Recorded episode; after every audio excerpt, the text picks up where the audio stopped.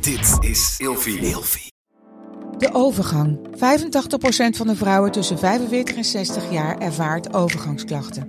Klachten die kunnen leiden tot een verkeerde diagnose of langdurige arbeidsongeschiktheid. Wat kun je doen als je overgangsklachten ervaart? Hoe maak je dit bespreekbaar op je werk? En als jouw medewerker bij jou komt, wat kun je als werkgever dan doen? Sector Instituut Transport en Logistiek heeft een kennisplatform ontwikkeld waar jij terecht kunt voor tips en adviezen. Wil je hier meer over weten? Kijk dan eens op stl.nl/slash overgang. Eindeloos aan het woelen en draaien in de nacht en hou je je partner wakker? Het kan zomaar zijn dat je toe bent aan een nieuw bed. Gelukkig geeft Emma Sleep je nu 10% extra korting met de code RELATIEVRAGEN in hoofdletters. Op bijvoorbeeld de Emma Super Slaapbundel, waar je het bed gratis bij krijgt. Dus ga snel naar emmasleep.nl en bestel jouw bed. Ik ben Inke Nijman en ik deel graag als relatietherapeut en seksuoloog mijn gedachten met jou in deze podcast. Je seksuele identiteit ontdekken. Steeds vaker horen we dat je in staat zou moeten zijn om je seksuele verlangens te delen met je partner. En dat je de tijd moet nemen om te ontdekken hoe je seksuele identiteit eruit ziet. Het is ontzettend belangrijk dat het belang van jezelf kennen juist op seksueel vlak zo toeneemt. Maar er ontstaan hierdoor ook vragen over hoe dit dan moet. Hoe moet je ontdekken wat jouw verlangens zijn?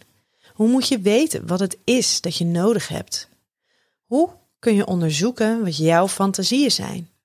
Hoe moet je weten tot wie je je aangetrokken voelt?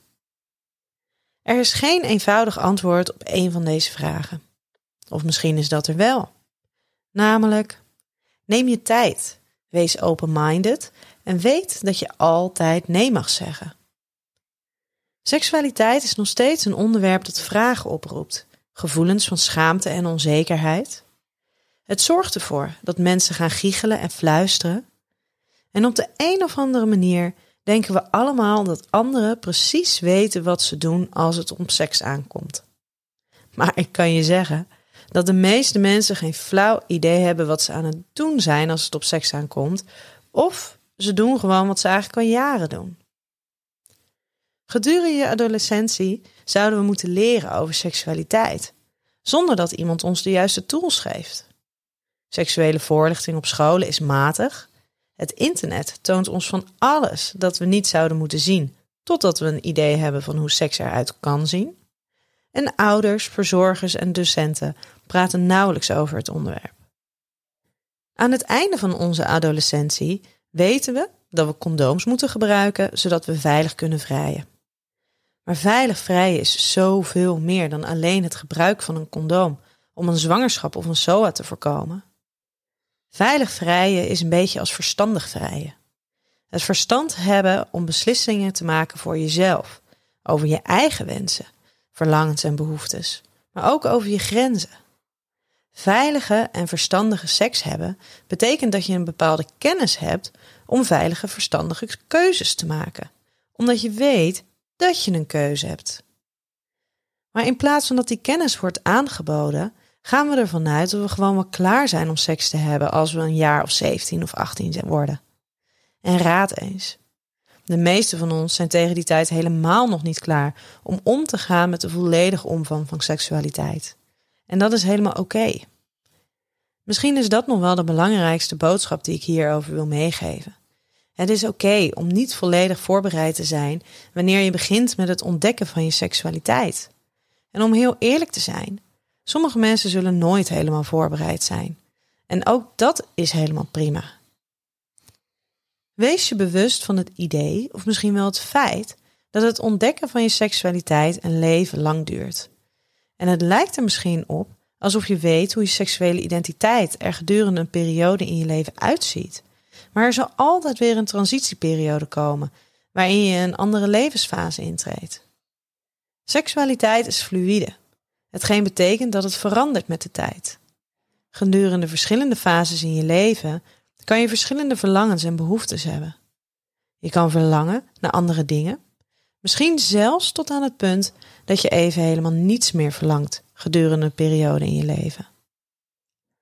Om te ontdekken wat je seksuele verlangens en behoeften zijn, om uit te zoeken wat jouw verwachtingen en grenzen zijn, is het belangrijk om een open mind te houden.